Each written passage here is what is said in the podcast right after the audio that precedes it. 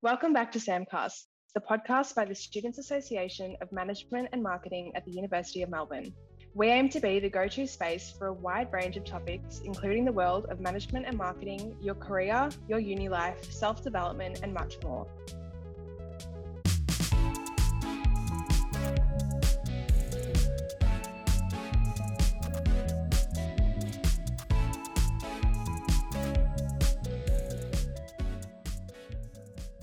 I'm your host, Steph, and on this week's episode, I'm very excited to be joined by three lovely girls, all who have completed or are completing an internship at L'Oreal.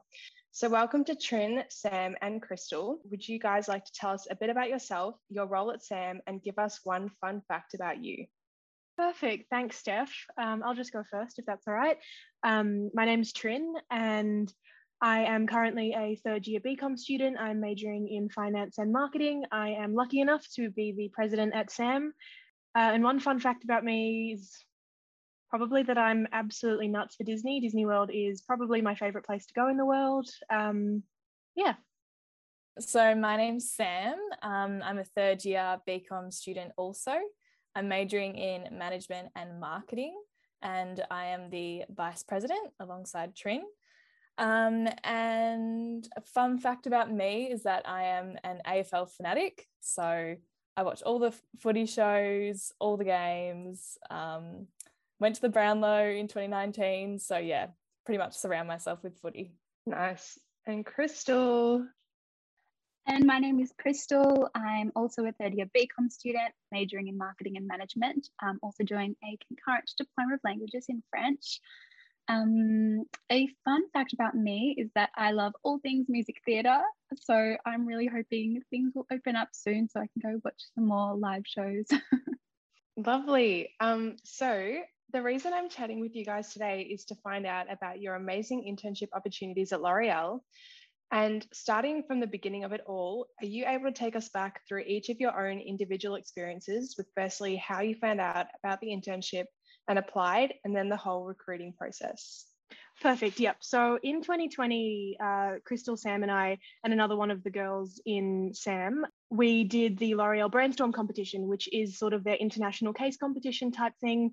Um, it's something that we'd really recommend. And Sam does actually have another podcast about it, which is great to listen to if you are thinking of doing that competition. And I think that's really important to talk about because for the three of us, particularly, that's kind of where it all started. So we did Brandstorm um, and we really just did it to learn a bit, to have a bit of fun. But, you know, we actually ended up doing pretty well, made it to the national finals, were lucky enough to win the national finals, and then made it onto the international finals, which uh, normally would have been in Paris, but for us, unfortunately, happened virtually, which is something that I think we'll be salty about for a very, very long time. But um, we were lucky that out of that experience, a couple of positions became available at L'Oreal, and then because of our experience doing Brandstorm and the fact that L'Oreal as a as a business does really like to recruit from Brandstorm because it's just a great way to get into the company. Um, two of us who were available for six months to do full time internships did get sort of offered the the chance to do them, and so we sort of just had to go through an informal application process, do a bit of a video interview to see if we'd be suitable for the company, um, and yeah, that's that's how it all started for us. Um, and for me, it was a little bit different. At the start of this year, 2021, I saw that a part time internship in marketing came up. So that was something really exciting for me. Um, so for me, it was a little bit of a different application process um, because it was a role publicly listed um, online. And so I was against other students in my application. Um, and that involved submitting my resume and cover letter um, and then doing some online video interviews. And then I went into the office for my in person interviews. So, um, yeah, I'm currently doing my internship this year. Cool. And I know, Crystal, you just started, but Sam and Trin, what are um, some of the type of work you got to do in your internship?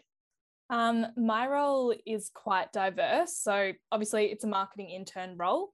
Um, but I've had the opportunity to experience so many different parts of marketing. So, um, I've had experience in trade marketing, so I've you know um, had to liaise with salons and produce merchandise for their salons.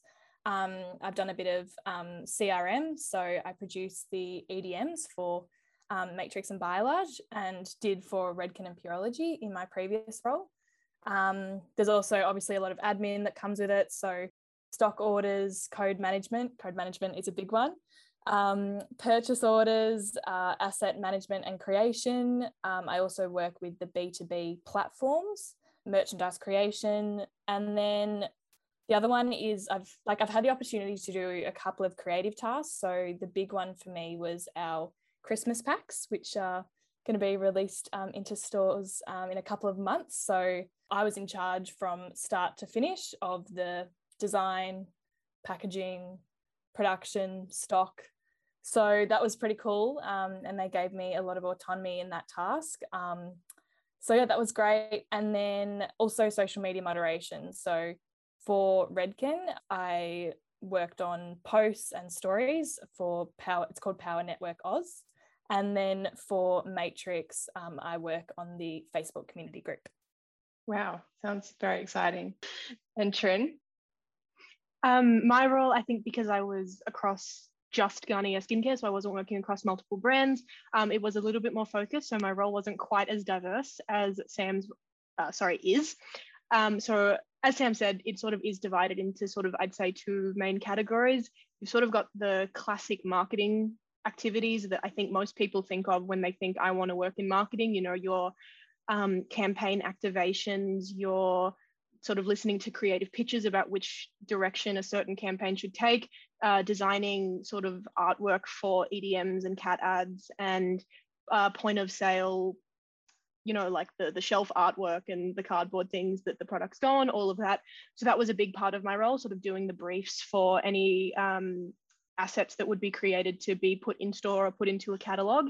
Then, of course, you have the admin side. I think that's the side that a lot of people don't realize how much of it you have to do um, when you go into marketing. I'd say that a third of my role was done on Excel. Um, had to use Excel so much more than I thought I would as an intern, um, especially as someone sort of in the marketing industry and you know code management as well like sam said um, a lot of legal stuff because whenever you run any sort of competition or any sort of offer you have to get sort of the legal side approved of that to be in line with consumer regulation. So there was a lot of working with legal firms to make sure everything was all good that way as well doing stock orders and and getting things out to people and sort of working with the account managers for for garnier it was uh, woolworths priceline uh, chemist warehouse and coles Wow, I mean, it all sounds like super exciting stuff. Um, but I'm sure, like any other job, um, they definitely have their great moments and they definitely have their more challenging moments.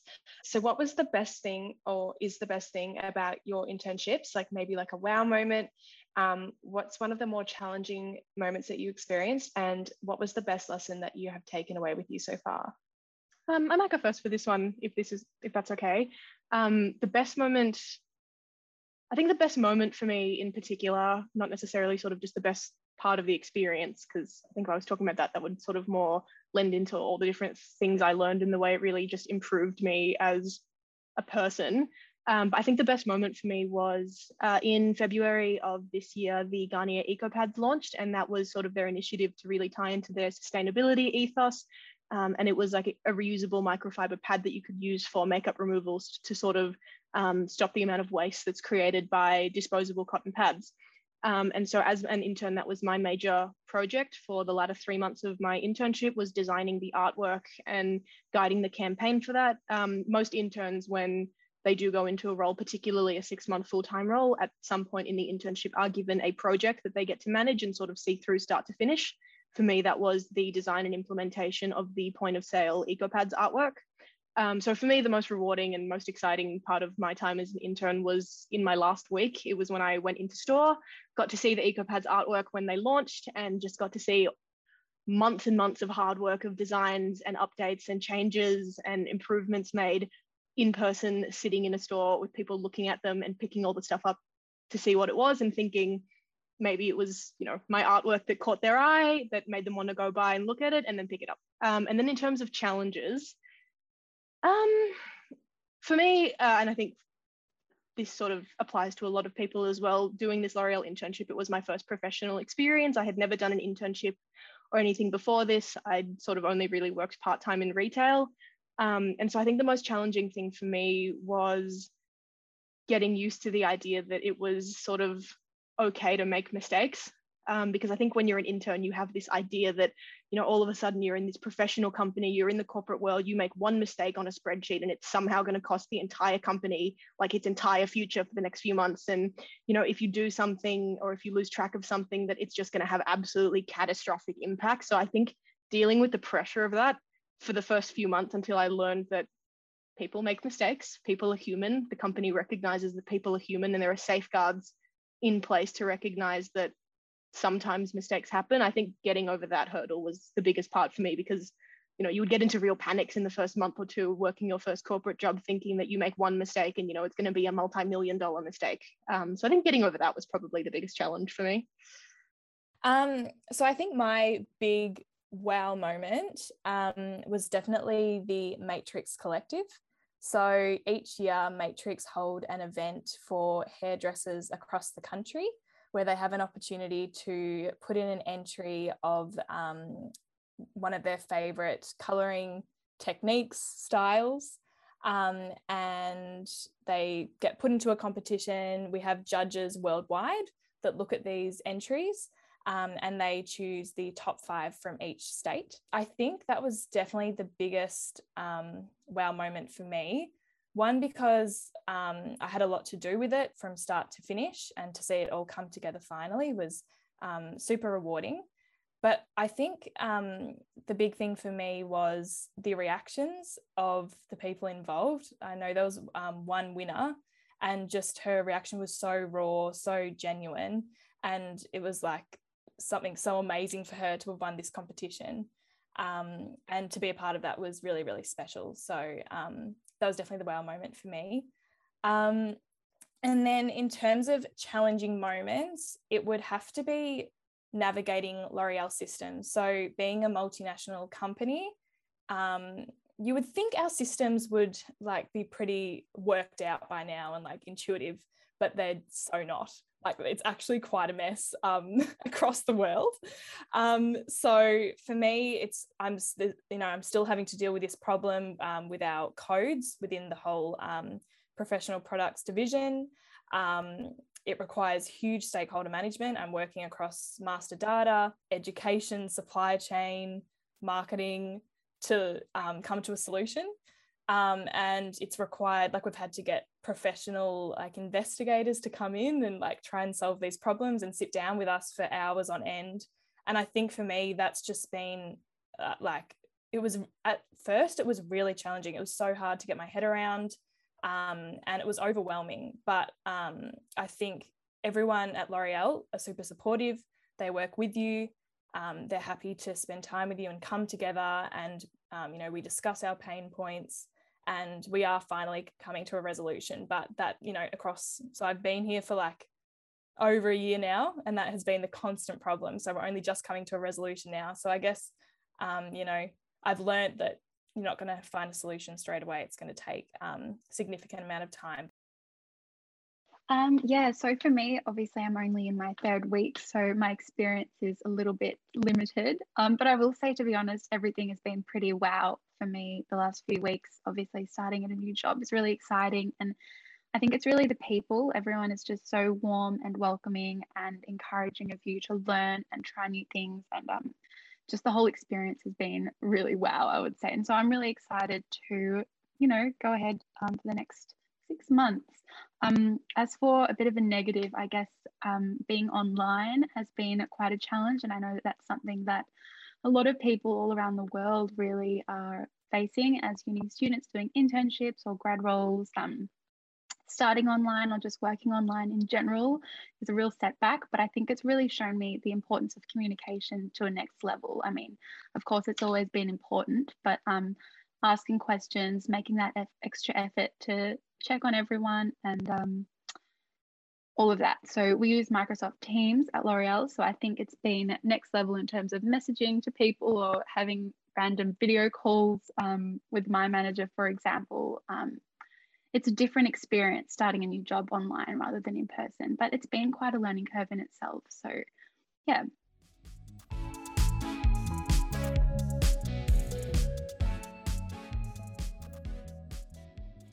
Obviously, some internships run over the summer, but for all you guys, you've done your internships alongside uni during the semester. How have you found balancing your internship with uni? And what were some things you did to help you juggle uni, your internship, and then just life in general? Yeah, look, it's definitely not the easiest thing in the world. Um, I particularly sort of around the two, three month mark of the internship starting, because that was coinciding with the week 11, week 12 part of uni when, you know, all of your assignments are due, you're about to go into SWOTVAC. Um, and I was only doing two subjects, so not even the full four. And I, it, it was tough, but I think for me, that was also one of the biggest sort of learning curves that I went through at uni. Um, and sort of in the internship as well. I think the biggest thing about managing it all is one, knowing in advance what you have to do and just not allowing yourself to procrastinate. It for me, it doesn't really get much simpler than that. I don't really have any advice um, that's any more complicated than that. It's just know what's coming up, keep track of what's coming up, and don't let yourself procrastinate for the sake of being lazy because you will fall behind and then you're going to be up till 11:30 every night trying to keep on top of everything and you're going to get stressed and you're going to have a meltdown. For me, a little tip that I'd recommend if you are doing an internship during the uni year is actually consider doing some intensives.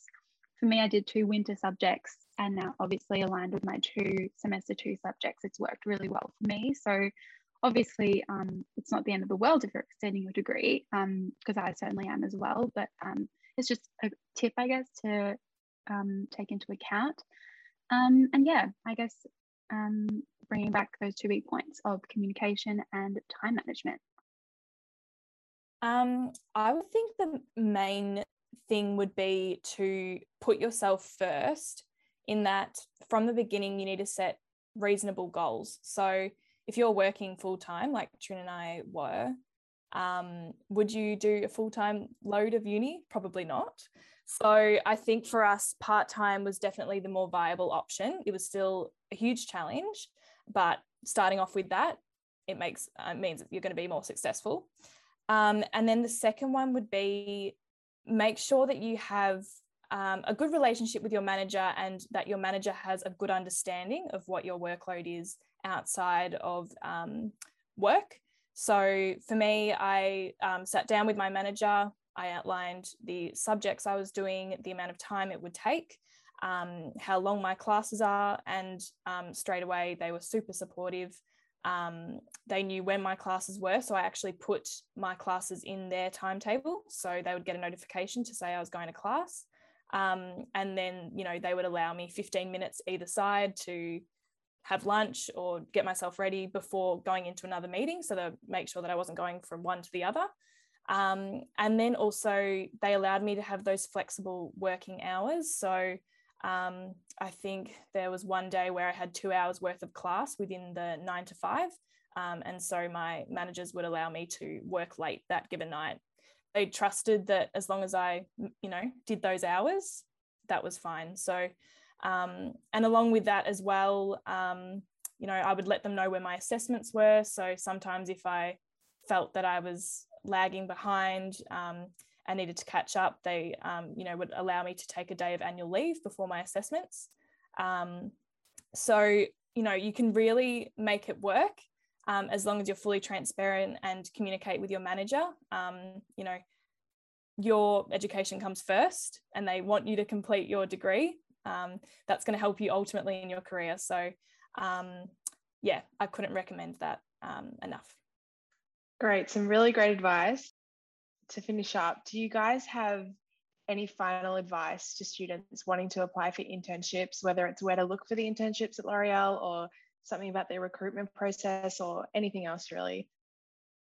All right, I can tackle this one first. Um, I think first and foremost, the biggest thing for me to say is I am not in any way a internship guru. I, you know, I've been rejected from as many places as I've applied to. It, you know, me having done this one internship does not make me any better than someone who has um, not done any internships. But I think the biggest piece of advice I can give from having also talked to sort of the HR people that we've gotten to interact with during this experience is to just take your most genuine self into any application process that you go to because people will reward sort of your true colors more than they will if you are putting on this facade that you think you have to put onto because you're going into the corporate world.